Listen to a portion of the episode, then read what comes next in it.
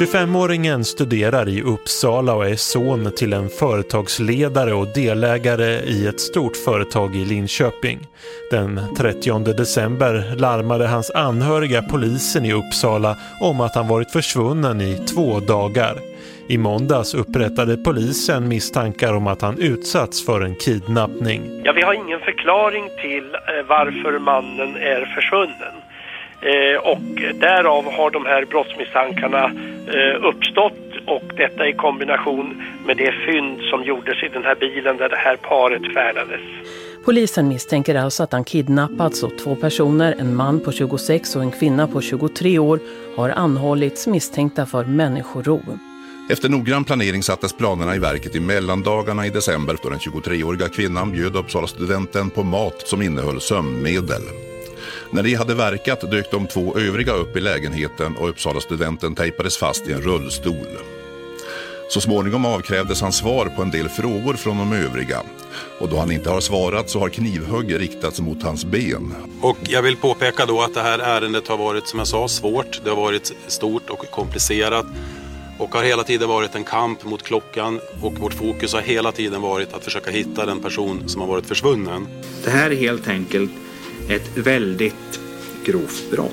Eh, och sen såg jag en person med, med en vit snödräkt och ett automatvapen. Och då tänkte jag nu jävlar. Händelsen har varit både overklig och svår för de anhöriga. Det är, eh, jag kunde aldrig tänka mig att det kunde vara så att leva i ovisshet. Det har varit något fruktansvärt. Det är, eh, jag kunde aldrig tänka mig att det kunde vara så jobbigt. En av de här två männen då har, har liksom lett och småskrattat lite ibland åt vissa påståenden. Som att han var road av det som sagts, såg det ut som. I fredags kom beskedet att mannen inte är allvarligt psykiskt störd. Däremot lider han av autism. Han har ju nekat hela vägen till att han har gjort något brottsligt och det är jag övertygad om att han kommer att fortsätta att göra. Den 23-åriga kvinnan och en av de 26-åriga männen förnekar medan den andra 26-åringen, den så kallade husvakten, precis som tidigare erkänner en ringare form av människorov.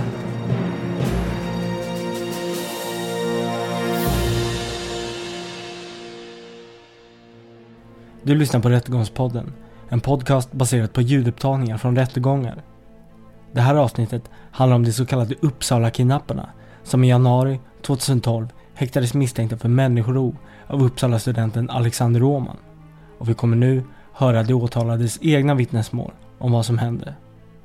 Jag som klippt ihop detta heter Nils Bergman och först ut hör vi Parasto Namdar som nekar till anklagelserna och hävdar att bortförandet av Alexander bara var ett skämt i syfte att överraska honom. Rösten ni hör ställer ens frågor till åklagaren Lars Hedvall.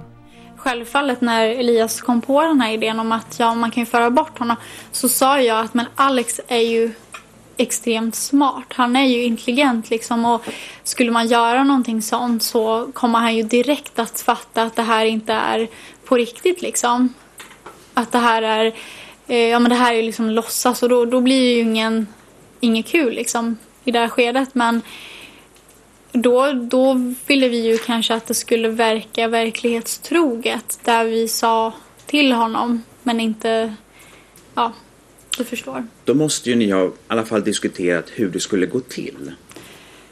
Eh, nej, egentligen inte mer än att eh, i stora drag att det här... I stora drag då? Vad hade sagts? I stora drag så hade det sagts att, eh, som jag försökte förklara för er tidigare, så sa han att ja, men man skulle kunna sätta på honom en eh, ögonbindel och eh, liksom på sin höjd skrämma honom och säga jaha det här, är, det här är liksom det här och sen så för man bort honom och sen så blir det liksom en upplevelse. Och de här planerna då eller idéerna, var det någonting som ni pratade ofta om dem? Nej. Utan några givna tillfällen? Ja, alltså någon gång första gången kanske när det kom upp och sen eh, liksom någon gång då och då. Vad, vad, var ditt syfte med att det här skulle kunna genomföras? Vad skulle så att säga du tycka var roligt med det här? Alltså för min del så vill jag ju visa min tacksamhet För att jag känner att jag har inte liksom givit tillbaka lika mycket som jag har fått av honom. Så jag vill göra någonting som kommer få honom att för alltid minnas mig. Sanningen börjar inte som Parasto börjar med Ö, Ä, Um. Sanningen är inte selektiv. Den är rakt. Den är rak och den är väldigt enkel. Du hör nu Elias Fikalius, vars version skiljer sig från Parastos då han hävdar att Alexander Roman anlitat honom för att utföra en så kallad fejkad kidnappning av Alexander i syfte att skapa massmedial uppmärksamhet. Första mötet med Alex är fantastiskt. Jag svävar på moln. Jag blir nästan nyförälskad. Liksom. Jag dras till människor som är aktiva, som springer runt liksom och är omtyckta. Han berättar om beteendeperspektiv och vi kommer in på en man som heter Fabian Bengtsson. Fabian Bengtsson var en obetydelselös miljardärson från min stad Göteborg. Ingen visste vem Fabian var. Tills den dagen han blev kidnappad. Jag förstår var Alex vill komma. Jag förstår det fullt ut. Det vi ska göra, det är väldigt enkelt. Väldigt, väldigt enkelt. Vi ska få samma massmediala tryck som Fabian Bengtsson har fått och göra Alexander till den naturliga framtidspersonen i vår lilla stad Linköping. Jag är PR-geniet bakom den här massmediala kuppen. Jag har lärt mig det här via Mexiko. Att om man fixar en fejkad kidnappning och använder medierna så, som plattform så kan man komma så inåt helvete långt. Precis som Fabian Bengtsson har gjort. En sån publicitet som skulle motsvara, och nu överdriver jag inte, miljoner och åter miljoner i hundratalet när det gäller publicitet. Vi måste bara hitta en person som kommer att kallas för Lammet. Offer Lammet. Vi ska ta Alexander till ett hus. Vi ska sätta på Lammet, Alexanders jacka och alla ägodelar. Och vi ska, precis som Breivik, ta bilder och sälja bilderna till media. Vi måste bara hitta ett mongo. Ett klockrent jävla mongo. Innan jag blev gripen för det här så försörjde jag mig delvis på arbete och på studier. Du hör Magnus Dahlskog. Han erkänner medhjälp till mindre grovt människorov då han hävdar att han mer varit en bricka i spelet än hjärnan bakom planeringen. Jag studerade på halvtid och jag arbetade som dels som tidningsbud och dels som reklamutdelare. Och du bor? Jag bor i Mjölby. Och studien avsåg? Jag studerade historia. Ah. Sen undrar jag om du skulle kunna beskriva vilken kontakt och vilken relation du har haft med Elias Vikalius? Ja, man kan väl säga att vi är bekanta alternativt avlägsna vänner. Mm. När var det för första gången som du kom i kontakt med de här planerna då som sen har lett till att du sitter här idag? Ja, det var 16 november 2011 fick jag det presenterat för mig. Och hur kan du vara så säker på just det datumet? Jag har väldigt bra minne för datum och siffror. Magnus kommer dit och jag står från balkongen och kollar på honom när han kommer och tänker att killen har ju en kanaljes fysionomi. Det går inte att missa Magnus. Han är 1,90 lång. Enligt hans mor Siv så väger han runt 50 kilo och har ett BMI på kanske 12. Samt att han har Asperger. Magnus kan nämligen inte ljuga. Jag har ju tänkt på Magnus innan, jag har känt honom i tio år. Att Magnus är ju lammet. Han är perfekt på alla plan. Jag minns att jag är så stolt över mig själv så jag, hade, jag vill gå ut ur min egen kropp för att klappa mig själv på axeln. Så jävla stolt blir jag liksom för det vi ska göra. Och eh, vi pratar väldigt mycket. Jag slår till med liksom den absolut bästa charm, mitt bästa jag. Och börjar solovåra honom. Jag öser komplimanger över Magnus. Och eh, Magnus berättar att han inte känner att hans liv inte utvecklats i den riktning han velat. Han säger att han fortfarande delar ut reklam och bor i samma lägenhet i Mjölby. Och det är egentligen inte så mycket som hänt i hans liv, säger han. Liksom. Så att Magnus inte mår så bra, det är liksom perfekt. Det är perfekt för mig. Först så pratade vi väl lite allmänt om vad vi höll på med nu. Vi hade ju inte träffats sedan våren 2010 så det var ganska precis ett och ett halvt år sedan. Sen kommer han så småningom in på att han har planer på att eh, kidnappa Alexander. Och hur reagerade du när du fick höra det? Ja, han kommer ju in på det bitvis och eh, sen eh, är det ju, sen säger han ju att eh, om vi lyckas med det här och får en lösensumma så eh, kommer du att få en miljon euro. Och det är väl då först jag börjar bli intresserad. 10 miljoner. Du kommer få 10 jävla miljoner. Och Magnus blir helt till sig. Och jag frågar vad ska du göra med pengarna soldat? Han säger jag kommer köpa en, en bostadsrätt. Och då säger jag på Östermalm hoppas jag. Och då säger han nej Mjölby. Och då, alltså, ursäkta, det, det var liksom, vem fan köper en bostadsrätt i Mjölby var min tanke. Liksom. Alex har gett mig all information om honom själv. Så jag spinner på det här som jag vet att Magnus brinner för. Jag berättar att Alex är en jävla klassförrädare. Att han har dumpat tre handikappade i en swimmingpool och försökt dränka dem. Att han är självaste Satan. Vi måste sätta stopp för det här Magnus. Jag uppmanar mig hela tiden. Magnus, hur kan du stå och kolla på när han dränker människor? Hur kan du vara så passiv? Hur kan du vara så jävla feg? Du, du måste göra något Magnus. Och Magnus vet ju inte vad han ska göra. Han säger, men vad har du för idé? Vad, vad ska vi göra? Jo, vi ska ta honom. Och vi ska ta honom till ett hus. Och vi ska kräva tillbaks minst en tredjedel. För de har stulit folkets pengar.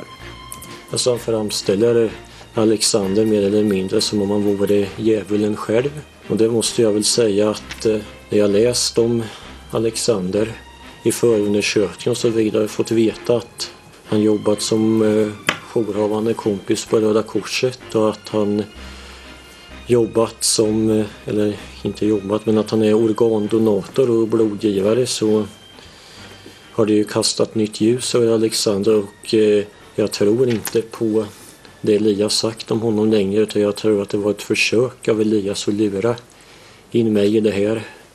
Han är väldigt godtrogen och väldigt lättledd. Säger man liksom någonting till Magnus så tar han det bokstavligt.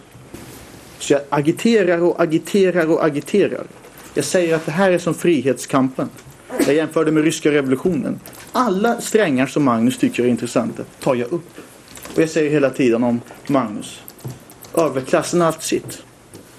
De har haft sitt roliga. Och du Magnus, om du är passiv så är du som alla tyskar som inte gjorde något åt förintelsen. Det kändes som en, vad ska jag säga, en stor ära på något sätt att han tar in just mig och inte någon annan av gymnasiekompisarna. I det här samtalet som ni förde, kom det någonsin fram hur det här hade startat, när planeringen hade börjat? Jag har inget minne av att det just då nämndes något, någon tid när det hade startats. Däremot har eh, Parasto senare sagt till mig att eh, den här kidnappningsgrejen, det är nästan det enda hon tänkt på sedan i mars. Eh, det är han som säger det, ja. Mm. Men sen kommer den första maj 2011, 09.22. Och det är ju du då den här Skype-konversationen som inleder. Det krävs en enormt bra och vattentät plan för att det här ska gå igenom fläckfritt. För det som flera moment än, bara, än att bara skjuta någon på öppen gata. Fler inblandade, flera steg. Samtidigt, jag tror att du är den enda som kan genomföra det här trots den mentala stressen. Iskyla och tålamod krävs. Elias, det är jag övertygad om. Och då undrar jag, vad är det för enormt bra vattentät plan som du pratar om här? Eh, jag förstår ju att det verkar märkligt när ni läser det här men det har ingenting med det här att göra utan det är förmodligen en diskussion som vi bara fortsätter. Nu minns jag ju inte liksom riktigt vad det handlar om men Det låter ju konstigt. Du säger fler moment än att bara skjuta någon på öppen gata. Fler, ja, in, fler inblandade. jag tror att det handlar mer om att eh, Vad är det du pratar om? eh, jag vet faktiskt inte vad det handlar om. Ni har lurat Magnus och fått honom dit jag velat. Så ser det här ut att bli bättre och bättre och bättre och bättre. Det kan inte bli bättre. Det finns ingen mer ärlig, godhjärtad, lättledd människa som Magnus Dahlskog. Så jag tog kontakt med en man som heter Gösta Dahlström. Och han berättar då för mig att han köper upp hus via Kronofogdens utmätningar och har massa jävla hus i Sverige. När jag ser det här huset så blir jag ju stormförtjust. Dammet har lagt sig som en presenning där inne. Huset har varit obebott i flera år. Det ligger ute i ingenstans. Jag ringer den här uh, Gösta och säger att jag vill köpa ditt hus. Men jag säger att du får 50 000 och du får dem idag liksom. Så jag köper det här huset. Vi över 25 000 Gösta. Och eh, jag säger att eh, 25 000 kommer komma någon dag senare. Jag måste skicka honom till SCB liksom. Jag beordrar Magnus. Jag kallar honom hela tiden för odåga. Jag säger åt honom att omedelbart gå till banken och låna pengar.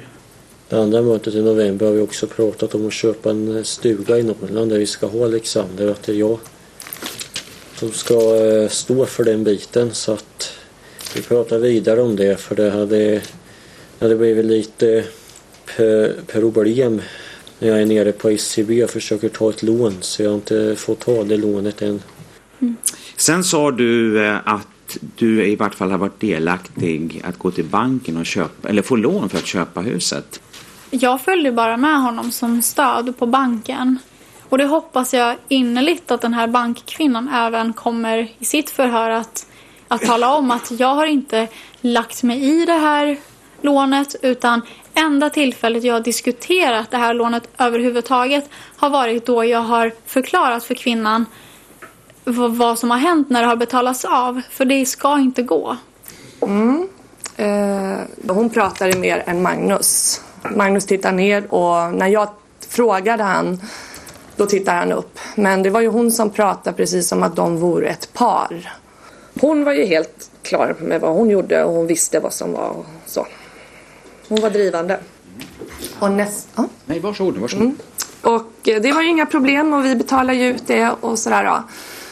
Och sen så återkommer de, tror jag, kommer inte om det var dagen efter eller två dagar senare. Ja, det var i alla fall. Så återkommer båda två. Mm. Och eh, då har de gjort ett misstag att de har betalat tillbaka lånet på lånenumret. Mm. Så vi fick tillbaka, alltså de betalade tillbaka hela lånesumman till vårt eh, lånenummer. Och då gjorde jag en ny låneansökan och betalade ut ett nytt lån till dem. Så huset är betalt och Gösta är glad. Så Magnus kommer dit. Till min mors lägenhet med mig. Det här minns han säkert mycket väl. Och Parasto står i köket. Det här allting händer nu alltså. Det är nu det börjar bli riktigt intressant. Det är nu man ska vässa öronen. Eh, Parastos uppgift i det här att hon skulle det har redan gjort men hennes uppgift var ju att eh, etablera en vänskapsrelation med Alexander och att eh, ha, göra en, eh, baka en kaka till Alexander eller i alla fall eh, laga någon form av mat som det skulle vara sömnmedel i. Mm. Var det någonting som du tänkte på då i samband med att du var på platsen? Det är att Parasto håller på med den här maten då att jag ser att det ligger piller där. Och eh, hur skulle hon utnyttja den maten? Den eh, skulle hon eh, försöka få Alexander att äta. Och vad var tanken att resultatet skulle bli av detta? Ja, att han blev ja, lätthanterlig så att säga. Och eh, hur länge blev ni kvar på den platsen? Jag skulle gissa att eh, en timme ungefär. En och efter den timmen, vad händer då? Ja, då är det dags att åka. Varför jag tog pajen? Därför att tidigare den dagen så, så pratade jag och Elias och eh, jag sa ju att ja, men jag ska träffa honom vid nio och han har sagt att han har suttit hela, eller ska sitta hela dagen med sina studier. Så han kanske inte har hunnit laga någon mat. Så då sa Elias till mig att men ta med dig någonting i alla fall ifall han inte skulle ha någonting liksom redo. Vem hade gjort den då? Eller var den köpt? Den var köpt. Och vem hade köpt den? Ehm, det kan ha varit jag, det kan ha varit Elias mamma som hade köpt den under sommaren. Jag vet inte det. Och så sa du att det var rött vin i eh, receptet, eller till chokladmuffinsen, ja. Det stämmer. För det har du inte sagt någonting om tidigare under förundersökningen. Det, det vet jag inte om jag har sagt eller om jag inte har sagt. Men jag tro, tror inte att det var... Nej, jag har tydligen inte sagt det enligt polismannen bakom dig. Men Nej, för det är någon annan som Ehm. har sagt det nämligen. det finns ett recept som du kan, du kan få om du vill på den, på den, eh, just den bakelsen som jag har bakat. Så att eh, om du vill kontrollera upp det så Kommer du absolut. själv ihåg om du hade vin i det här eller inte? I, eh, I muffinsen vet jag att jag skulle ha det. Du skulle ha det. Så det, Kommer du ihåg om du jag. hade vin i dem? Jag förmodar att jag hade det, ja. För jag nämnde ju det även för Alex på kvällen sen. Mm.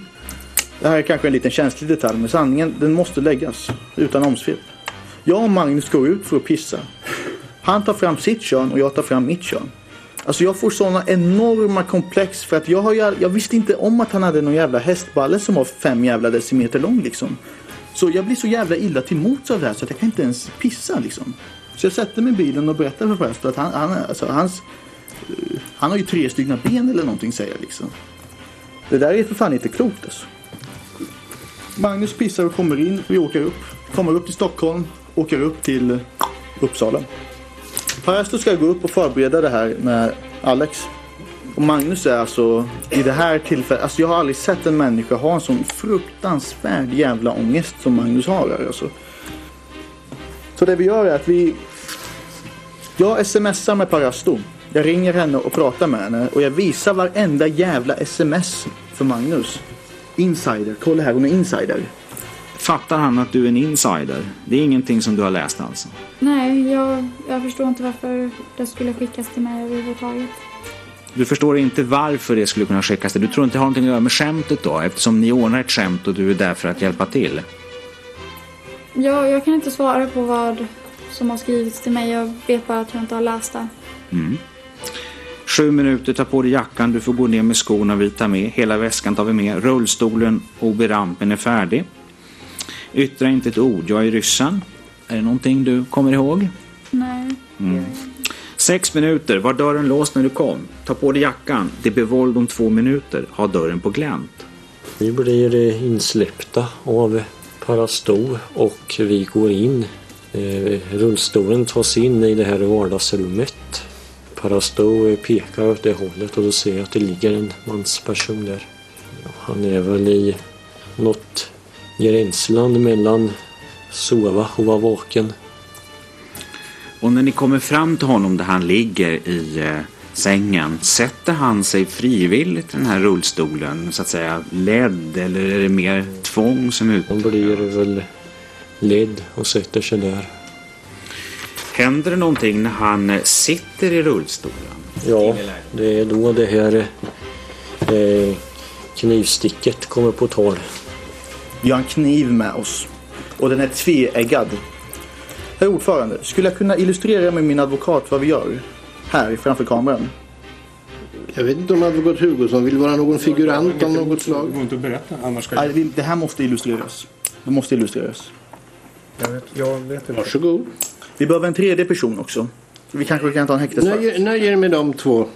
Du får, du får klara dig med den rekvisitan. Jag måste ju berätta Du hur får Alex klara dig får- med den rekvisitan. Antingen det eller så får du sitta och berätta. Vad är det?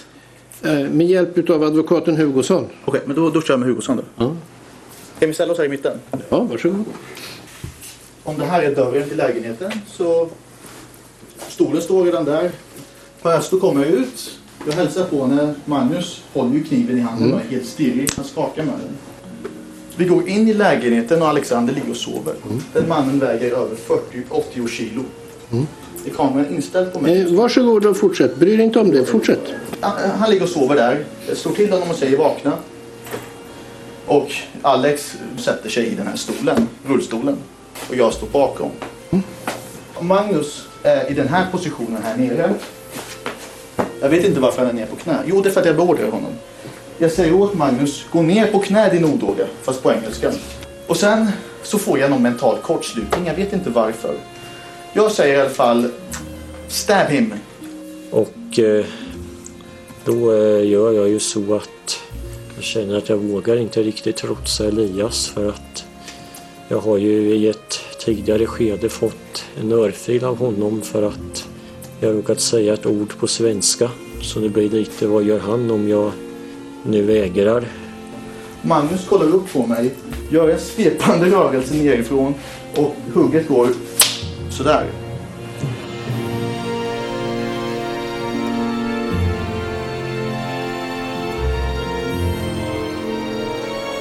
Och avslutningsvis, hur förklarar du då att dina minnesbilder vad gäller den här planeringen och framförallt telefonsamtalen den 28 och 29 är så pass grumliga?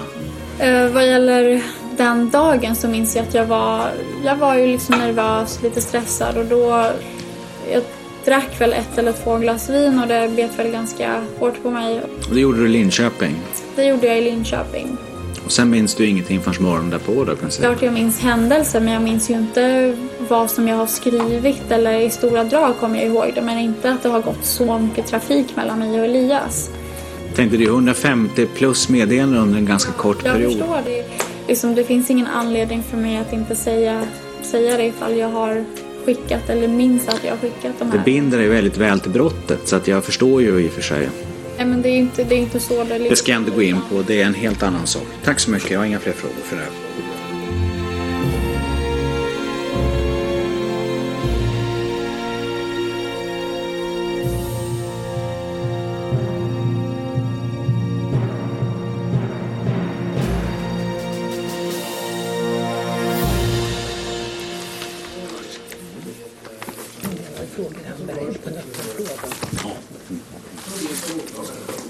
Tack så mycket.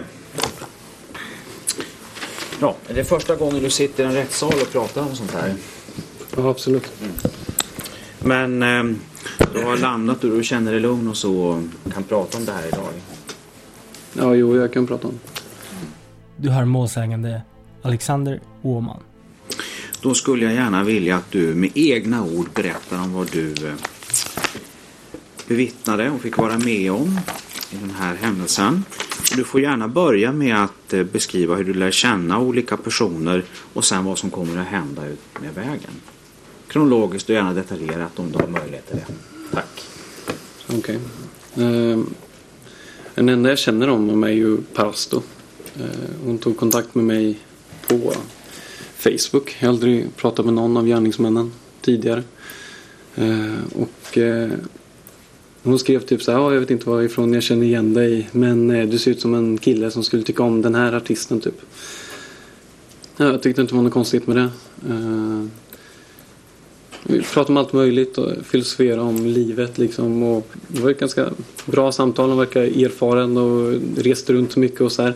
Sen tänkte jag att det är ju kul att träffas. Så det gör vi. Fika på hennes, eh, hennes jobb då. Och, hon uttrycker att hon vill eh, lämna stan. Och då har jag en egen bostadsrätt i Uppsala. Där jag bor tillsammans med min kompis. Eh, och då gav jag som förslag att om hon eh, vill komma bort från Linköping och flytta till Uppsala, för det var så jag förstod det på henne. Så kan ju vi ge henne rum så att hon kan bo hos oss i vår lägenhet tillsammans med oss. Det var hon väldigt positiv till. Det, det fortlöper och det, det är meningen att eh, Parasto ska flytta in. Jag skriver kontrakt. Egen kontrakt som vi skriver på allihopa också. Ja, men sen så blir det problem praktiskt i alla fall. För hon, hon säger en tid hon ska komma och hon hör inte av sig. Jag får inte tag i henne. Jag försöker ringa henne och får inte tag i henne alls. Jag blir... Ja, det var väldigt mycket problem i alla fall. Jag, jag ringde runt till alla. Hon var helt borta. Eh, men hon hör av sig några dagar senare och ber jättemycket om ursäkt. Och hennes pappa hade haft hjärtproblem och hade nästan dött. Så hon hade varit inne på akuten och då hade inte hon haft med sig sin mobil. Så jag sa, oj vilken, vilken grej. Det är klart. Det är klart vi förstår. Men sen så var det så här var, varje gång hon skulle komma så var det alltid någonting som kom i vägen och hon hade olika ursäkter varje gång. Och eh, ja, till slut så säger jag att att eh, ja, men du har tappat din plats. Det, det funkar inte. Och då blev hon väldigt upprörd över det här. Och det var en ny sida jag såg hos henne.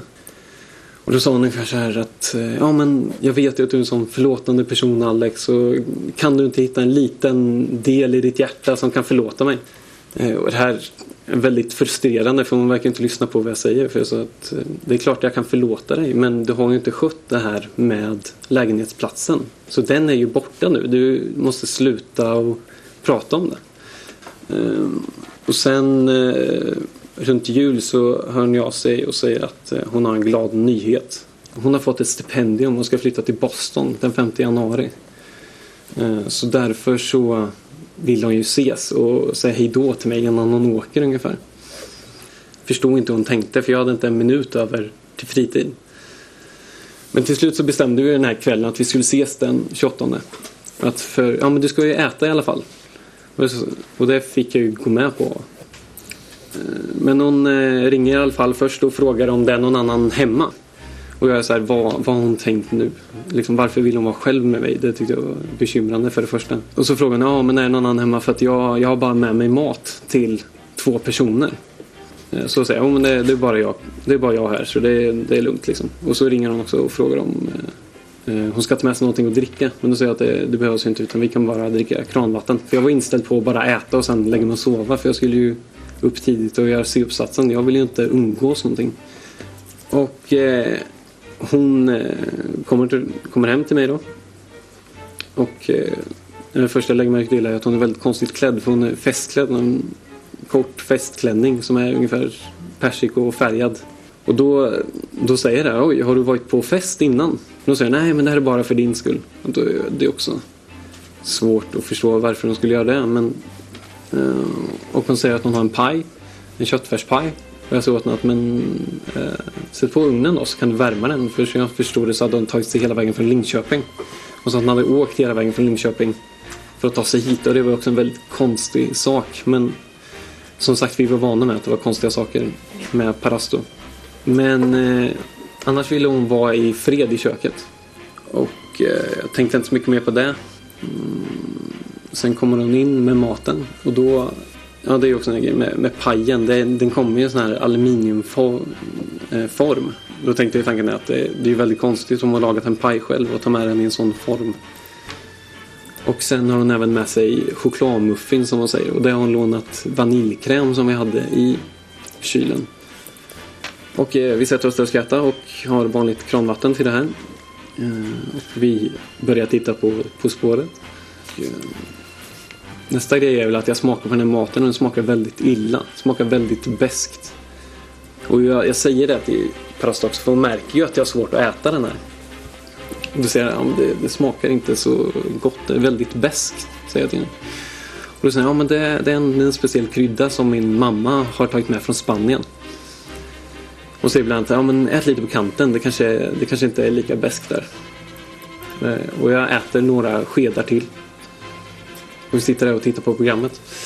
Och eh, um, när, jag, när jag tittar Parasto i ansiktet så minns jag det att jag tänkte att det var så konstigt för att eh, skuggorna i hennes ansikte flackade.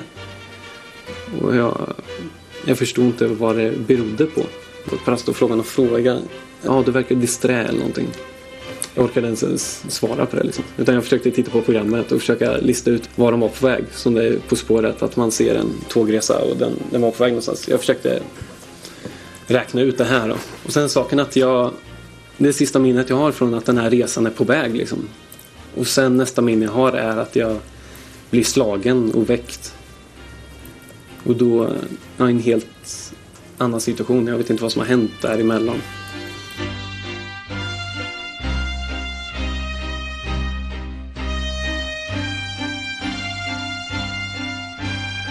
Jag blir förbannad på Magnus. För allt skit som hänt mig i livet har jag alltid skyllt på Magnus känns det som. Så jag säger åt honom, din förbannade odåga. Kolla vad du gjort. Fast på engelska liksom. Piece of shit säger jag liksom. Gå ner och förbered bilen. Och Magnus blir helt ställd. Han är bensad. Han har precis knivhuggit en jävel. Efter att sticket är utdelat, blir ni kvar länge på platsen då? Eh, nej. Nej. Och vad händer då? Vi eh, drar iväg ganska fort, vill jag minnas. Ja. Och då förstår jag, då måste ni ta ut rullstolen med Alexander Romani Mm. ner till bilen. Mm. Sen är nästa minne att jag faller bakåt, att jag sitter i någonting. Jag försöker greppa tag i vad som helst för jag känner att jag faller bakåt. Och så kände jag att jag kommer åt en, en ringklocka som en dörrklocka. Så i efterhand så tänkte jag att jag var i mitt trapphus. Men jag kände bara att jag faller och blir buren någonstans. Hur var dina känslor under det här skedet? Jag kände väl att det var ju... Jag var lite nervös innan. Men jag eh, kände ju när, när vi kom iväg en viss lättnad. Över att vi klarade det.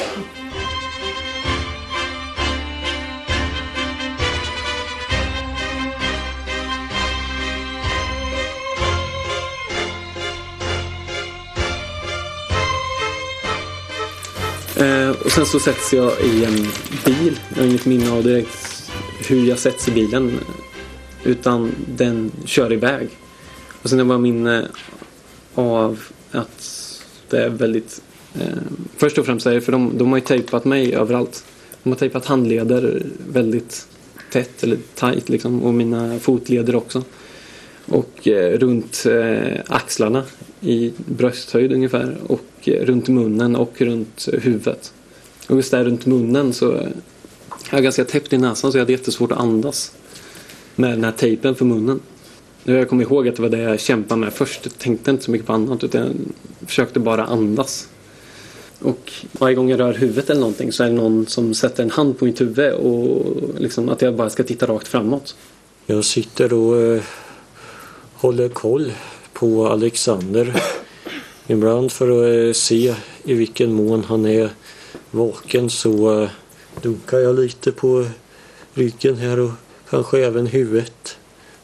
Och ser om han reagerar på det.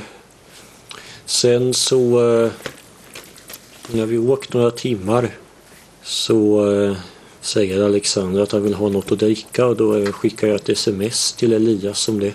Då stannar vi efter ett tag. Och personen som sitter fram kommer bak och börjar prata med mig. Och Eh, jag får vatten också. Och han, eh, han pratar väldigt trevligt på engelska med en baltisk eller öststatisk brytning. Och presenterar sig med ett ryskt namn som är Jojvamin eller någonting. Han, den här mannen, han presenterade lite varför de hade tagit mig. Och lite hans inblandning i det.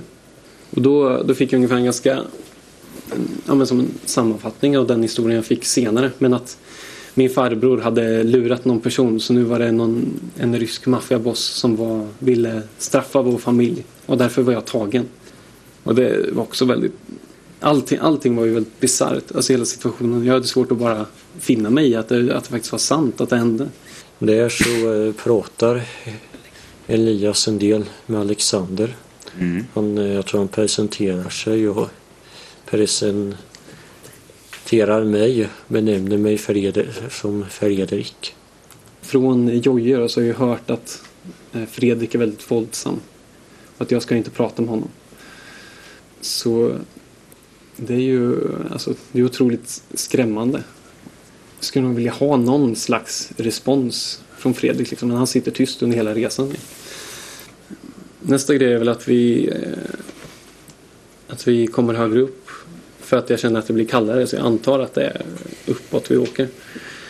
Eh, och jag märker även på att bilen sladdar några gånger. Och liksom jag vet ju inte vad jag sitter i men jag känner att jag skakas runt. Vi kommer till ett område som heter Skuleberget och där hände ta mig fan det värsta jag varit med om i hela mitt jävla liv. Det är en jävla seriekrock långt fram och jag ställde mig på bromsen och den här bilen är bakhjulsdriven. Jag vet inte om ni någonsin bromsat på motorväg med bakhjulsdrift. Det är inte kul när det är is ute. Bilen får ju sladd.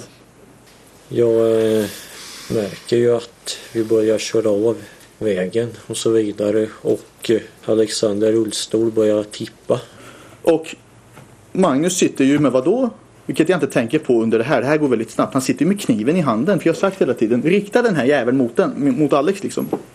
När vi väl börjar kana, jag, jag tar första, jag girar lite åt vänster. Och eh, vad är det som händer? Jo, jag släpper på bromsen, äh, gasen helt. Bilen kör ungefär i 40-35, någonstans vid 30-35. Så åker vi ner en vanlig dikeskörning. Och sen så åker den i golvet och jag tror jag krockar med min panna med Alexanders huvud. För första gången i mitt liv så får jag en jävla metallsmak i munnen. Jag vet inte om ni någonsin stoppat in ett jävla mynt i munnen, men det är den känslan jag fick. Det var ren och skär ångest. För det som hände mig mentalt, det är att vi åkte ner i 35 kilometer i timmen. Killen sitter med kniv riktad mot en annan. När jag öppnar så ser jag att kniven sitter fast i ett galler som går mot förarhytten. Och att Alex ligger nere på sidan och att Magnus har krockat med hans huvud och ligger precis åt motsatt håll. Och det jävligaste av allt är att jag frågar Alex om han är skadad och vill till sjukhus. Jag frågar aldrig Magnus. Från att ha varit sittande så ligger jag på golvet i skåpsutrymmet i den här skåpbilen. Och har massa väskor och bråte och även den här Fredrik då, över mig. Och liksom den här extrema situationen har överträffat sig själv på något sätt. Eh, jag slår i huvudet eh, här också. Märker jag inte just då för jag är så chockad liksom.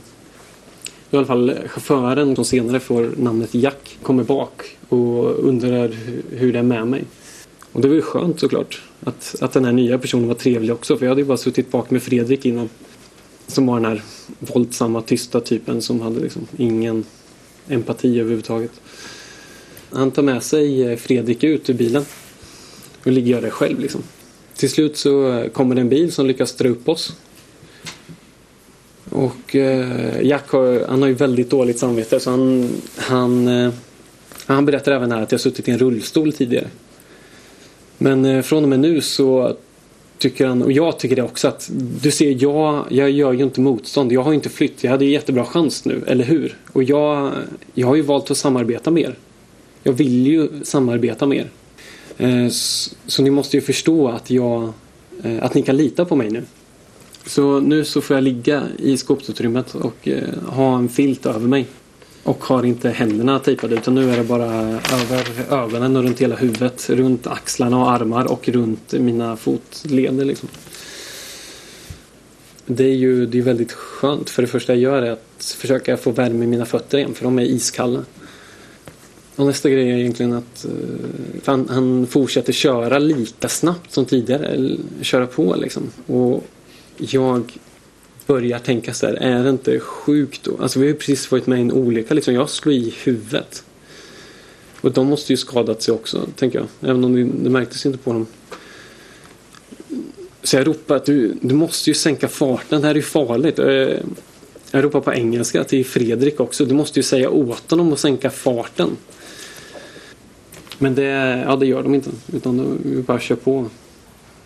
Eh, När vi åker iväg igen så frågar Jack om jag vill lyssna på musik. Eh, och sätter på. Han, han föreslår någon artist och jag är så här, ja vad som helst liksom. Visst, det blir jättebra. Så vi lyssnar på någon, någon musik eh, resten av resan.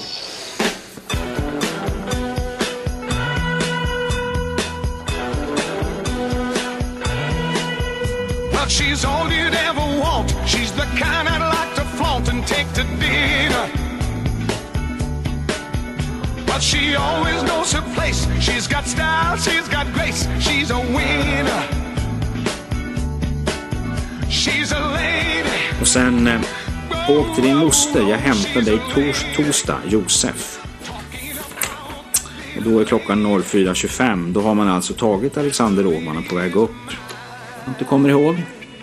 Nej, som sagt den trafiken under den kvällen har inte jag fram till Ja, det är helt borta. klockan ett, två då jag började ringa. För man kan ju konstatera att 04.45 kommer det faktiskt ett inkommande. Så det här har du skickat. Mår ni bra? Har du något minne att du har skickat ett meddelande? Som sagt, eh, jag kommer inte ihåg Nej. vad som har sagts mellan oss under den. Och sen kommer från din telefon, håll dig lugn, nio månader, The Great Event 2011. Då undrar jag om du kommer ihåg vad det rörde för någonting? Eh, Det är ju den här överraskningen som vi har talat om förmodligen. Men eftersom jag inte kommer ihåg det där smset så... Jag är stolt över dig, kommer från dig. Jävla märkliga 24 timmar alltså, kommer från dig. Hur mår ni, kommer från dig. Hur är det, kommer från dig. Kommer du ihåg någonting av det? Jag kommer ihåg att jag skrev eh, hur det var, frågade där. Mm. Det- Det kommer du ihåg alltså? Så då Så du har ingen minne av de här meddelandena under kvällen. Men sen den 29 när du vaknar, då har du minnen av meddelandena igen. Ja. Lady. Oh, oh, oh.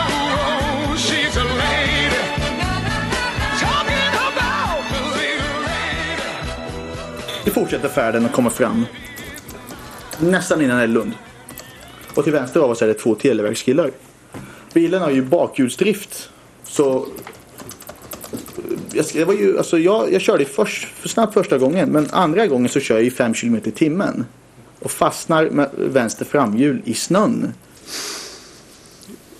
Och vi fastnar ännu en gång i en dreva. Och Fredrik går även ut för att hjälpa till och putta.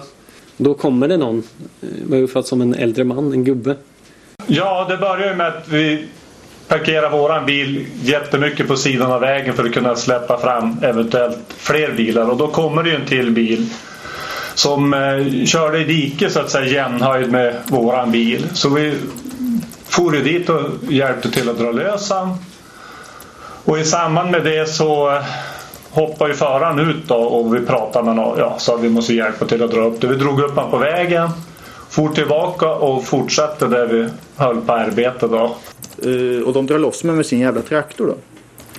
Jättehärliga personer. Så det, det som händer det är att de här hjälper oss och vi åker upp mot huset. Och vi fastnar med det här jävla däcket. Alltså nu är det höger framdäck. Alltså vi kör ju 5 km i timmen. Det bar sig inte bättre att vi fick tillbaka en gång till för det var en liten plogkant där som man fastnade i. Så dit fick vi också fara och hjälpa in och det var, var ju då jag satte mig i bilen och körde själv. Då tänker jag det här, det här kanske är min sista chans. Innan vi är helt ute ingenstans. Och det finns ingen koppling till resten av världen. Jag, ja, jag grips av panik för egentligen min plan från början var ju att samarbeta så mycket som möjligt. Men jag, den här känslan av att, att jag bara ska bli mördad och sen in, ingen ens vet om det. det. Det får mig ändå bestämma mig att nej, jag måste lämna något så att i alla fall den här gubben vet i alla fall att det varit någon person som liksom försökte fly eller någonting. Och det är ju vid det här tillfället som Alexander Oma ropar på hjälp. Hör du det själv? Jag hör det. Hur reagerar du då? Ja, jag är ju färdig att springa till skogs. Jag går, jag börjar väl gå en bit bort och tänka att nu är det kört. Jag kommer inte ihåg vilken ordning jag säger men jag säger ungefär att jag heter Alexander Åhman. Jag har blivit eh, bortförd från mitt hem i Uppsala. De här personerna är kriminella. De har hotat mig med kniv och tagit mig från mitt hem. Och det var ju då jag hörde någon som säger så här till mig. Släpp ut mig, släpp ut mig. Jag har suttit här sedan i morse. Och efter att jag ropat där och liksom slår med eh, båda fötterna mot skjutaren så det är bara helt tyst. Jag sitter och väntar på att jag ska få något slags gensvar. Men det, det är bara helt tyst. Och jag eh, måste jag erkänna ignorera det. För jag uppfattar hela den här historien som att de här personerna har andra problem om jag säger det. det jag tänkte direkt att nu ligger någon där inne som inte mår riktigt bra på grund av eh, droger eller alkohol så därför har de lagt den dit bak. Så jag struntade helt enkelt i, i, det han sa så, och, svarade ungefär så här att ja nu blir det bra ska du se i den stilen. Den som kom, sen öppnas dörren och den som kommer in är då eh, Jack. Och det är ju väldigt, väldigt jobbigt. Men han kommer in i alla fall och säger ungefär att Vad håller du på med? Du håller på att förstöra hela grejen. Så här kan du inte hålla på. Fredrik han, han ju- blir paranoid när han håller på så här. Och det är också inte så roligt att höra just med tanke på att ja, Fredrik var den våldsamma av dem som skulle göra ungefär vad som helst med mig. Och sen eh, Jack säger då att vi håller på och, eller att jag håller på att förstöra allting för att vi, för att vi är framme.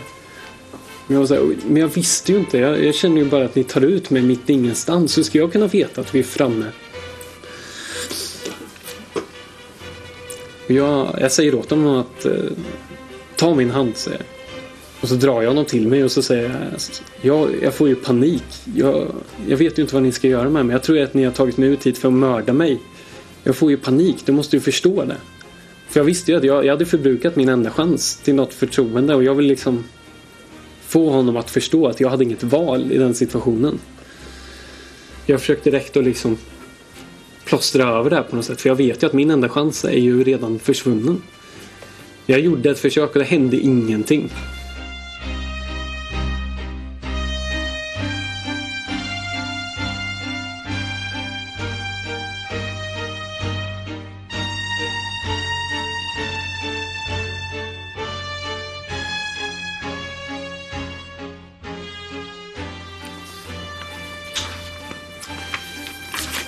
Kommer fram eh, till huset, liksom har nått målet, eh, vad händer då? Jag får uppgift av Elias att bära in alla saker. Och eh, Elias går med Alexander ner i, ner i källaren. Så leds jag in i huset väldigt snabbt så leds jag ner i källaren. I ett väldigt litet rum och där får jag sitta. Och sen typ att ja, men nu, ska vi tända en, nu ska vi tända en eld så vi kan värma oss. Och då kändes det som att säga, ja men nu är vi framme, nu kommer, för den här resan har ju varit så hemsk.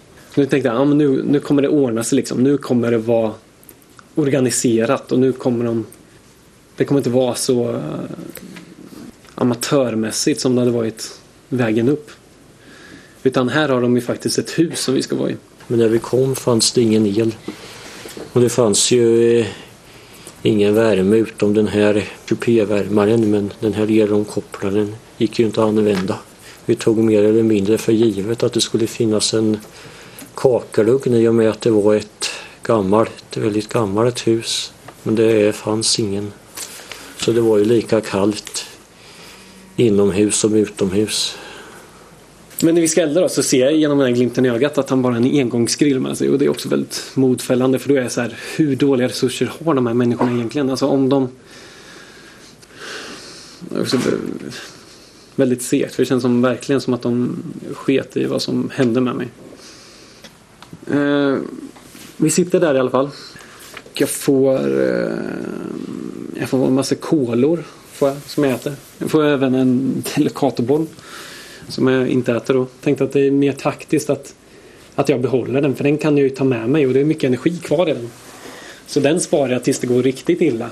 Och den andra maten tar slut och jag måste ha någonting innan jag svälter ihjäl. Mm, och så börjar han lägga på allt möjligt på den här engångsgrillen. Det är, liksom, det är allt från bark till hans strumpor till marschaller till plast och allt möjligt. Och vi sitter vid den här brasan och pratar väldigt lång tid. Om allt möjligt. Om relevanta saker och om som jag tycker är extremt orelevanta saker. Jag hör att de sitter och pratar, Elias och Alexander.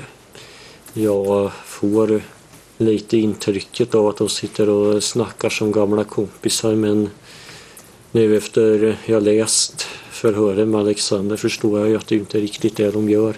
Mm. Men ditt intryck när du själv är i stugan det är att de nästan är gamla kompisar? Det, det lät lite så. Mm. Jag, blir lite, jag undrar lite vad Elias håller på med. Var du orolig för vad han gjorde där? Nej, jag, det var mycket jag kände ju väldigt starkt förtroende för Elias och tänkte att han vet vad han gör. Jag, jag vart ju lite fundersam. Och Jack, det, det är sånt konstigt samtal, väldigt olustigt just för att ena sekunden satt man och skämtade och så nästa sekund så kommer någon, något hot. Och Jack märker ju det på mig att jag, jag bryter ihop flera gånger. För första gången är när Uh, han, han berättar om hur de skulle ta sig in i, i uh, lägenheten. Och då säger de typ att jag, jag har inget kikhål i min dörr så de hade bara tagit upp ett baseballträ och tänkte bryta näsan på mig och sen packa ihop mig liksom och dra därifrån. Då tänkte jag för mig själv, jag har ju faktiskt ett kikhål i dörren men det behöver inte de veta liksom. Så jag bara, ja, okej, så har ni tänkt göra. Eh, men sen så blev hon så chockad över att eh, dörren redan var öppen eller att den var olåst. Och jag var så här, okej, okay, vad men vad hittar ni mig i för, vad säger man?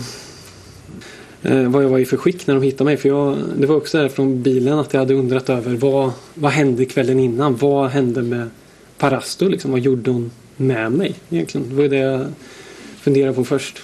Och just att alltså det, det var ju verkligen det, det sista jag ville tro. Det var att hon var inblandad i det här. För att om det om det är så att hon är inblandad, det måste ju betyda att hon är en otroligt falsk och ondskefull människa. Och jag, jag har så svårt att smälta det. Otroligt svårt. Ja, sen ehm, nästa grej som är det är väl att ehm, att jag blir ledd till det här rummet som sen blir min cell. Och det ligger också i källaren. Och här här är jag bara inställd på att här nu ska jag samarbeta och här jag får bara försöka att göra det bästa för att behålla psyket liksom, eller behålla mitt mentala hälsa. Och där liksom var fullt med, för det här huset var ju fallfärdigt, det var ju hål i marken och det var ju väggarna känns ju det var damm överallt och så här. Så jag började städa, um, städa ut rummet första jag och organisera de sakerna jag hade fått. Jag hade ju fått eh, lite kläder och fått eh, några filtar. Eh, och så fick jag en, eh, en sån här bad, en, en badmadrass för barn. Sån här färgglad. Men, och då är det för kallt så att munstyckena på den här badmadrassen de släpper för att de stelnar. Så jag sover på betonggolvet ändå. För att när madrassen funkar ju inte. Och det var en, det var en väldigt jobbig första natt. Eh, var det. Men jag, jag försökte tänka positivt och liksom Ja men Jack har ju ändå sagt allt det här och han, jag får ju försöka tro på honom liksom att han bryr sig om mig och att han kommer eh, vädja för min skull till Odessa och allt det här. Eh, andra dagen så eh, säger Jack att han, att han kommer åka därifrån. Han ska ner till Östermalm någonstans och träffa Odessa och det är nästa steg. Och vi pratar även dag två ganska mycket. Och jag är ju väldigt nyfiken på vad ska hända efter det här? Vad finns det för utgångar av den här historien som kan hända egentligen? Och det var så jobbigt också. Alltså jag hade ändå försökt vara stark första kvällen men dag två var så mycket jobbigare. För det var liksom Jack tar fram fem stycken scenarier av hur, hur den här grejen kan sluta. Och i första scenariot då överlever jag. I resten så är de tvungna att mörda mig. Då var jag så här. Det, och det var saker som jag inte kunde styra över heller. Alltså i ett scenario då är det liksom att min, att min familj får panik och kontaktar polisen. Så därför skulle han mörda mig bara för att bara för att familjen kontaktar polisen. Jag var så här, jag, jag har ju försökt att samarbeta. Jag har ingen kontroll över att min familj får panik. Det är klart de får panik. Jag har ju redan varit borta liksom. Två dagar då. Så det, det finns inte ens någonting jag kan göra för att stoppa mig själv från att bli mördad. Och jag har försökt göra allt jag kan. Så det var sjukt jobbigt. Det var samma sak. Han, han berättade att uh, den här, uh, det här området där min farbror bor på. Och det var, det var också helt... Det var en av de värsta sakerna. Som han sa. Men det var, han sa att eh, om, om det här gick fel, som jag, den här kidnappningen med mig gick fel. Då hade Odessas tålamod tagit slut. Och då skulle man skicka ett team till den här gården och det här området. Där alla mina kusiner bor, min farbrors familj, mina kusiners barn och mörda alla. Man skulle, man skulle rensa stället med marken. Man skulle inte lämna någon. Alltså när, när han säger det, det är så här... Och det, och det är minuten efter han har suttit och skämtat om någonting. Det är så stört. Det är som att allt blod rinner ut ur kroppen. Och jag, jag liksom... Jag vet ju i den stunden att jag, jag existerar ju bara för en... Eller jag kan inte tänka på något annat än att jag måste hålla de här människorna borta från min familj. Det är det enda jag kan tänka på. Och då var det så otroligt jobbigt att det var en massa saker som jag inte hade kontroll över. Att min, att min familj kontaktar polisen, det är klart de gör det om de är oroliga. Det finns ingenting jag kan göra där uppe liksom som kan stoppa det. Det var så... Det var en sån hopplös situation och att...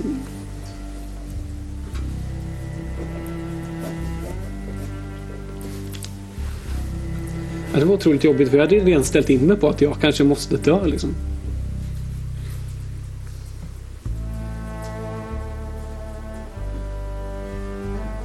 Det är väl klart att jag... Men jag gjorde all, allting som jag kände att jag kunde göra för att överleva. Det gjorde jag ju för jag ville ju bort därifrån. Eller... Först och främst i en sån situation så önskar man inte att man bara ska bli räddad utan man, man önskar att det inte ens har hänt. För jag visste ju redan då att jag kommer aldrig bli fri från det här. Alltså även om de släpper mig så kommer jag alltid ha det här kvar.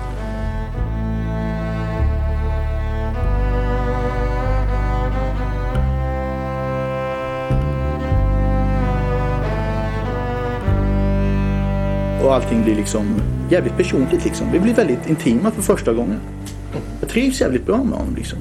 Han, är, alltså, han har ju sina fina sidor. Nu sitter jag och spyr galla över människor men det är för att jag sitter där jag sitter liksom. Egentligen är han en jävligt fin människa. Men ni, men ni snackar där ni sitter. Alex är med om det här. Om du passerar, går fram till när du... Jag går upp till Magnus. eh, och... eh, det här är den jävla chokladbollsincidenten som gör mig så jävla förbannad. Jag frågar Magnus efter hans jävla chokladboll och han säger att han inte har någon. Och jag har ju en och Alex har ju en så vad fan är den tredje jävla chokladbollen?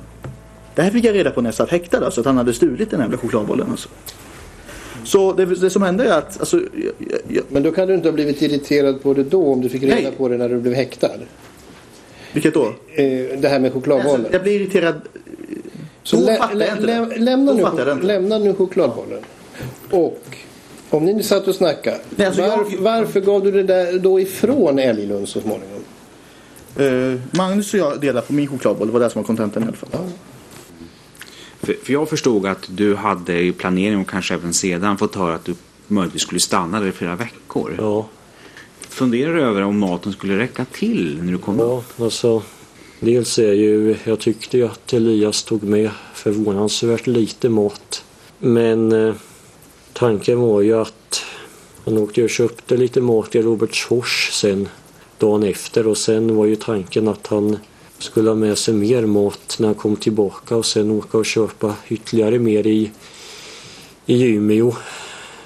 Minns du när han åkte? Han åkte den eh, 30 på kvällen. När eh, skulle han komma tillbaka? Var det uppgjort? Ja, han skulle komma den, den andra. Men han, han åker sen i alla fall.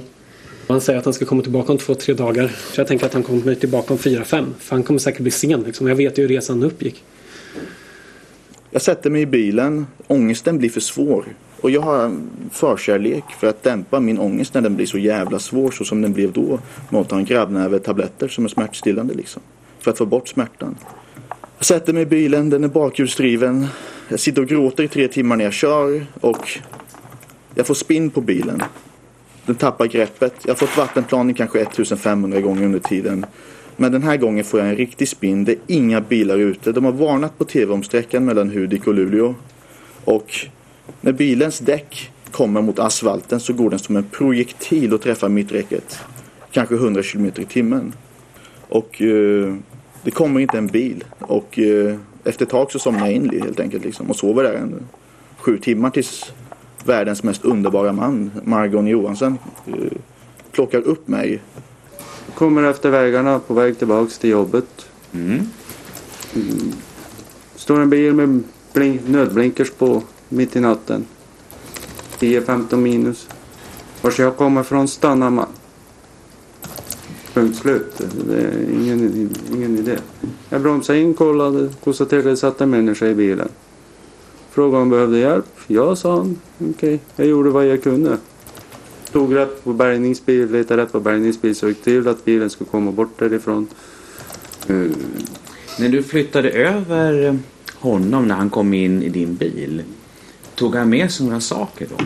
Ja, sina resesaker, väskor, rullstol, lite skor. Du sa rullstol? Mm. Sa han någonting om vad, varför han hade med sig en rullstol? Han sa han hade ryggproblem. Och eh, vart åkte ni någonstans? Jag började åka söderut. Han var ju på väg samma riktning som jag. Mm. Jag körde han ner till Gävle tågstation och så letade jag rätt på, han verkade ha ont i ryggen så då letade jag rätt på lämpligaste ställe och tjuvparkera så att det skulle bli kortast möjliga väg för han att gå. Uh, fredagen åker jag mellan den natten så sitter jag i bilen i åtta timmar. Margot plockar upp mig tre på morgonen. Jag sätter på mobiltelefonen och jag smsar Parasto. Något i stil med Ring mig nu slash Stamkos. Stamkos är namnet på en ishockeyspelare som heter Steven Stamkos. Vid den aktuella tidpunkten höll han på att vinna skytteligan i NHL. I en match mot Pittsburgh när Pittsburgh leder med 8-0 i ishockey, det är en otrolig siffra, så får han en straff. Han är lagkapten för Tampa Bay Lightning. När han ska lägga den här straffen på bortaplan mellan Arena så tar han ett skärfel och faller. Han, han faller halvvägs till mål. Och jag Parasto gör vad då? Jo, vi får fram citatet. Stamkos föll, även Stamkos kan falla, vilket betyder även den bästa kan falla. Jag tror att hon förstår att bilen har fallit. Den bästa är ju jag givetvis, samt att det är krockat. Jag vet inte om hon har förstått det. Men Stamkos är ju liksom, vad fan ska det annars betyda? Och när du var i huset efter att Jack hade lämnat, var det någon annan som du kunde höra? Alltså jag hörde ju bara eh, Fredrik då som gick runt i huset. Och, eh, och det, eh, alltså jag satt ju där i mörkret för det mesta och försökte bara hålla värmen. Så jag menar man hör ju varje liten man har ju varje litet ljud i det här huset för det var ganska det hördes väldigt bra. Jag hörde ju när folk gick i trappen. Jag hörde när folk rörde sig på övervåningen. Och det var väldigt skönt och det var någonting som Jack och jag hade bestämt. Liksom jag såg mig själv lite mer som en krigsfånge så jag sa så här, så här skulle jag vilja ha det. Och då är jag mer samarbetsvillig. Jag vill att Fredrik knackar först innan han kommer in i mitt rum. För jag var så rädd för att jag skulle vakna och så skulle han stå över mig liksom. Så vi bestämde massa sånt och tidpunkter då Fredrik skulle komma. Jag hade ingen klocka så jag hade ingen koll men han skulle komma klockan eh, 10, klockan 2, klockan 6 och klockan 10. Och eh, Mm, vad jag förstår, även om jag inte hade en klocka, så kom man ganska regelbundet och lämnade mat. Liksom. Då var det frukost för 10 och det var lunch. Och den här frukosten bestod ju först i att jag fick typ två brödskivor och lite köttbullar tillsammans med mm, alltså, Kopparbergs cider som jag fått. Extra stark cider till och med. Vilket var väldigt störande för att jag dricker inte ens alkohol i vanliga fall. Och det här är jag och har vätskebrist och måste dricka stark cider liksom. Men efter några dagar så blir den maten ännu sämre. Så till slut får jag liksom en, en burk öl till lunch. Ehm, Jag träffar Pastor Linköping och vi, vi åker mot Stockholm. Vi käkar på Kebab House. Jag sätter på mobilen i bilen och ringer mig själv igen. Så att det ska se ut som om Alexander då varit mitt i centrala city. Han har ju sagt till mig att hans bror bor i Göteborg, att Karl bor där. Men Karl visar sig via förundersökningen att han bor i Stockholm. Ja, Eh, jag bor i Stockholm. Och natten till måndag, eh, jag tror det var den andra, så ringer min far till mig mitt i natten och säger att vi har fått upp ett spår från Alex telefon via en eh, iPhone-applikation som heter Hitta iPhone tror jag. Och han säger att telefonen finns i centrala Stockholm. Så jag klär på mig snabbt och beger mig med taxi till den här platsen. Väl på plats så får jag till min vetskap att eh, två poliser även är där och letar. Och dessa poliser tar då kontakt med mig och eh, vi träffas ungefär vid Malmskillnadsgatan. Eh, så vi får eh, MMS på vart den här telefonen finns. Eh, och det tar oss E4 eh, norrut mot Uppsala. Eh, Vi hade ju målsägandens bror i baksätet i våran bil. Eh, och eh, det var jag som körde. Eh, när vi närmade oss Uppsala så uppdaterades den här bilden som vi fick skickat då. Och vi kunde se att vi låg, vi passerade de platserna, vi låg max en, två minuter bakom telefonens plats så att säga. Och när vi kom till Uppsala centrum så stod det en bil med varningsblinkers på i höger körfält. Min kollega Hjalmarsson, han klev ut på högersidan och gick fram till förardörren på den här Volvon. Så polisen kommer fram. Eh, Det kommer fram en ganska ettrig polis tycker jag. Han är ganska kort liksom och vill hävda sig direkt. Och eh, frågar om eh, vi har någon iPhone. Jag säger ja, yes, den ligger där. Eh, har du något mer? Eh, ja, här har du passbilden. Jag känner då att jag, jag orkar inte med den jävla skiten mer liksom. Jag satt i alla fall kvar i bilen tillsammans med målsägandens bror. Eh, Och när han såg att den kvinnan som klev ur bilen så sa han att det här, det där är hon, det är hon som, som såg min bror senast i livet. Varpå vi, eh, jag meddelade det till Max över vår eh, radio och eh, vi särade direkt på de två som fanns i bilen. Det var ju en man och en kvinna. Eh, Jag började prata med henne lite om vad de gjorde där och, och försökte skapa mig en bild av vem det var så att säga. Jag frågade var, varför de var i Uppsala. Det hade hon ingen eh, förklaring till som hon uttryckte för mig. Hon sa att de skulle eventuellt åka till Sundsvall. För mig gav hon ett väldigt oseriöst intryck. Eh, För mig var det uppenbart att hon stod och eh, ljög eller undanhöll sanningen för mig. Hon berättade inte som det var. Men varför sa du aldrig till polisen att jag vet att vi har gjort något skämtsamt med Ja. Alexander? Att han är där uppe, ni kan hämta honom. Självklart. Självklart. Varför Idag, jag hade gjort det. Jag vet inte varför jag gjorde det just då. Det kändes Som att, eh, ja men frågar de Elias så får de säkert ut ett svar för jag vet ju faktiskt inte var han är någonstans. Och det vore ju dumt att gå in på någonting när jag inte ens vet var han är. Vad ska jag säga liksom? De kanske tror att jag är helt dum i huvudet. Du kunde ha sagt att Elias vet nog var han är någonstans. Jag vet att Ja. han är tagen. Alltså med, med facit i hand, ja. Du har rätt. Som jag sa, för mig var det uppenbart att det rörde sig om åtminstone en skälig misstanke för människorov. Eh, Så därför så, så fort jag hade hittat telefonen så bedömde jag att jag hade tillräckliga skäl för att de skulle gripas för människorov. Det slutar med att de tas in då till polisen i Uppsala. Ja, precis. Efter en, ja. Jack kom ju inte tillbaka sen. Så nu när jag var ensam lämnad med Fredrik så var jag otroligt benägen att inte utgöra ett hot för Fredrik. Men eh, som sagt, han prasslar och han har en stor påse med sig ungefär som han har med ner till stranden till exempel. Eller så. Eh, och det var lite grejen här och jag förstod inte alls vad det var som han tog med sig in. Men sen så gick han igen då som vanligt. Efter att han hade lämnat där. Och då kollade jag och då var det liksom då var det låna batterier i botten och sen då slår det några öl. Och då tänkte jag för mig själv att det här nu är det illa för det här måste vara det sista de har. Nu är det kört liksom. Hade du några speciella planer då när du gav honom det här så pass tidigt? Jag hade planer att sen lämna det här huset. Satte du dem i verket? Ja, jag gav mig av i gryningen. Så det var sista kontakten jag hade med honom. Eh, Även om jag inte var säker på om han var, om han var där eller inte så försökte jag ändå att med de små resurser jag hade där. Jag hade massa vuxenblöjor som låg där också. Och det var ju sjukt kallt i mitt rum. Så jag använde liksom de resurser jag hade för att försöka hålla värmen och använda fodret i de här blöjorna och använde skosnöret på ett par skor jag hade fått och knyta ihop skovsäcken och så här. För jag hade ju inget annat att göra än att försöka överleva. Jag var också och knackade på i ett närliggande hus och frågade om man eh, gick för sig att få lite mat. Och då sa han ju sen att eh, eh, jag är väldigt hungrig, jag skulle vilja ha någon mat om ni har. Han var frusen och han, han var skadad på ena kinden, hade väl kanske eldar eller någonting. Så att eh, för han skulle ju gå till eh, Robertsfors var det tänkt. Han hade tänkt sig till Bastuträsk men jag sa snälla du, så här, du går väl inte till Bastuträsk, så här, det är sex mil. Då fick han ju mat och ja, sen då for ju han och gick mot Robertsfors. Och här var ju då eh, min fru ringde till eh, Bostander som är polis. Jag hade ju planen att åka ner till Linköping igen för den händelse att jag inte skulle få tag på Elias. Och istället så blev omhändertagen av polis förstår jag. Mm, ja.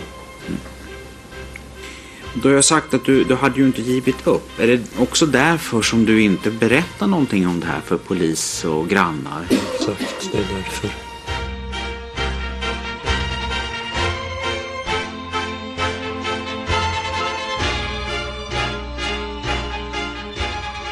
De hade in någonting i en bil. Och Om det var en människa eller vad det var, det vet jag inte. Det kan jag inte säga. Men det vart jättestressigt när jag kom. De sprang som yra höns runt där.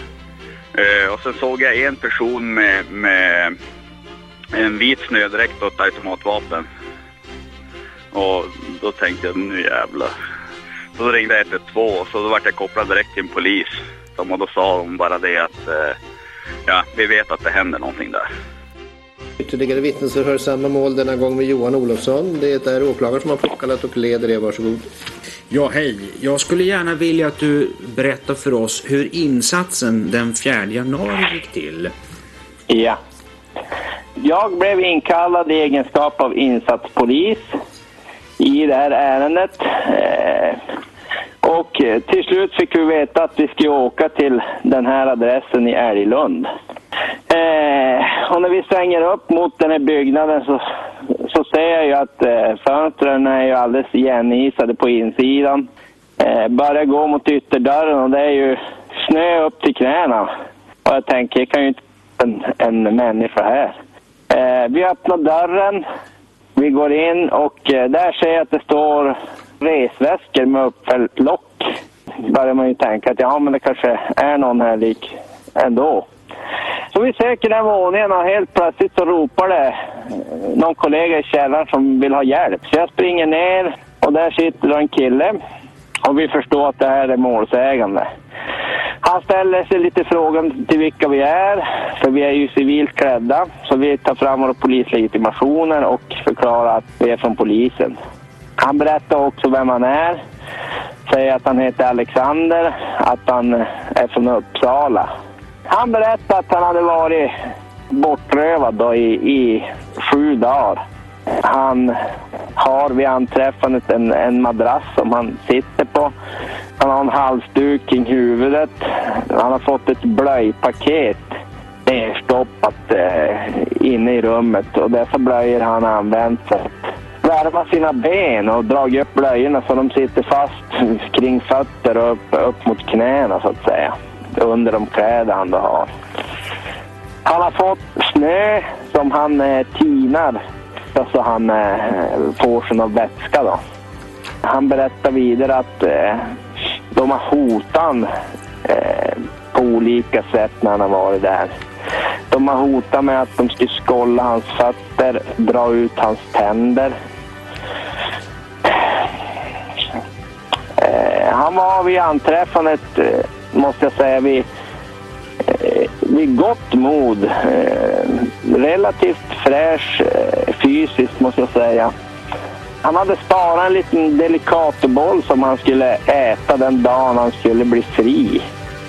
Och ställde frågan om han fick äta den delicatobollen nu. Och då sa jag, ät du din delicatoboll.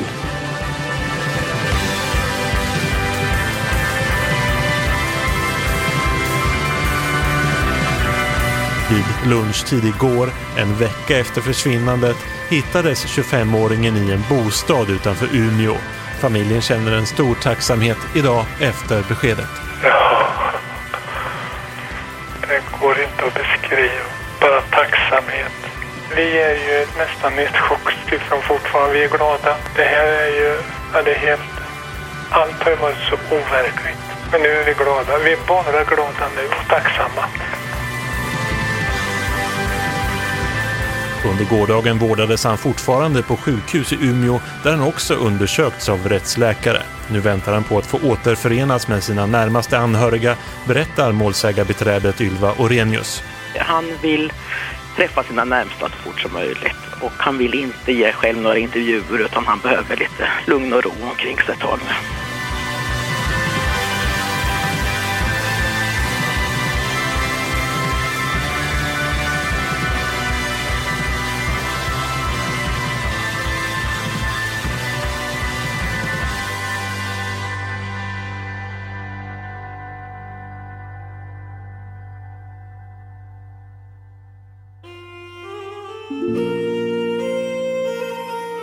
Ja, det blev långa fängelsedomar för två av de tre personer som låg bakom kidnappningen av en Uppsala-student under mellandagarna i vintras.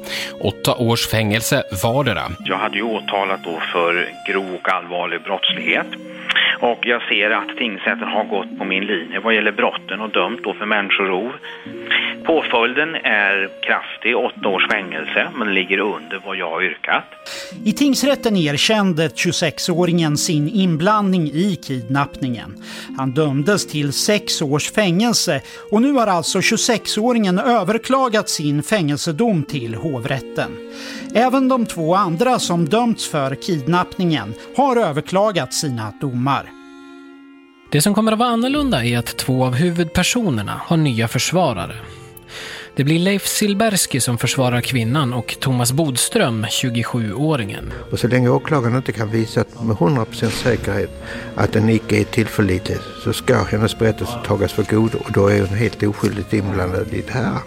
Säg att man håller fången en person som bara kan hoppa ut genom fönstret när som helst och sticka därifrån. Och eh, kanske eventuellt också göra det från bilen. Så att det är många oklarheter som man har passerat. Det tycker jag är de viktigaste sakerna att lyfta fram.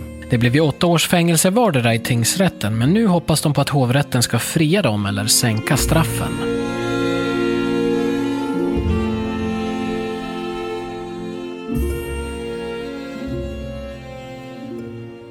Ja, de skärper domarna för två av dem. 27-åringen och kvinnan. De får 10 år vardera istället för 8 år som tingsrätten dömde dem till.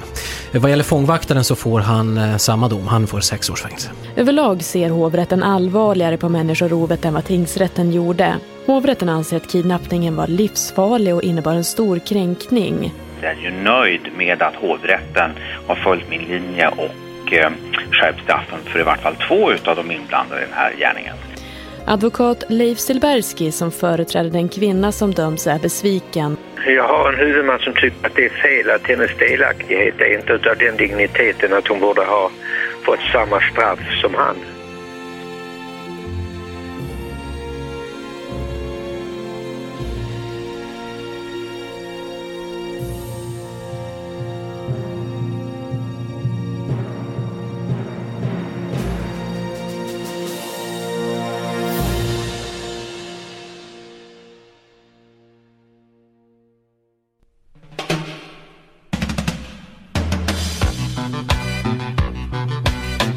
Alltså direkt, direkt efter att jag var räddad så först i det, liksom, de dagarna efter det så var man ju bara glad att man levde, att man fått en chans till. För jag, jag har varit så inställd på att ja, antingen blir jag mördad eller så lämnas jag tillbaka liksom, skjuten i knäna eller vad som helst. Eh, och försökt att tänka sig ett liv som det är och vara eller jag visste ju då rent, rent logiskt att det, det är klart det här kommer eh, ligga kvar. Ja, men det har gått ganska bra ändå. Eh, jag har överlevt och jag får komma tillbaka till min familj och det, det var ju det jag hade längtat efter hela tiden i min fångenskap.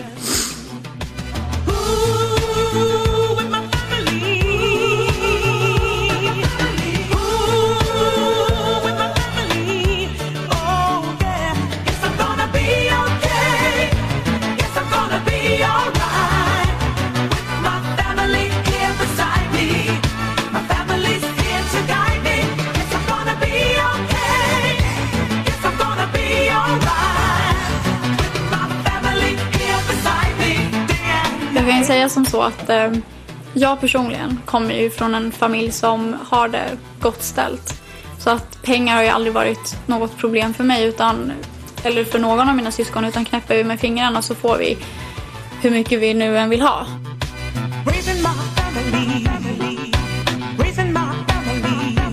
Hur har din ekonomi påverkats utav det här? Den har ju eh, gått åt, åt skogen. Jag har bara några tusen kvar i besmålingar.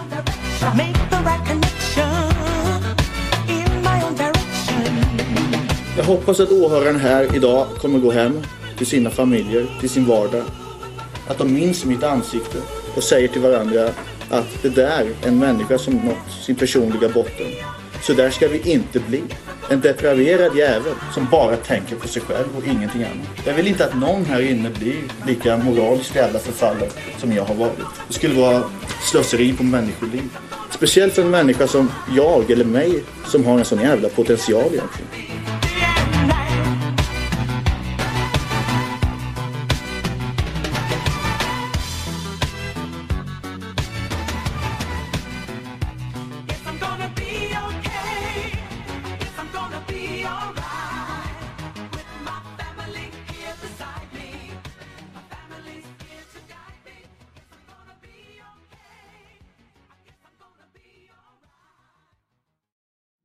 Rättegångspodden är en Tall Tale produktion.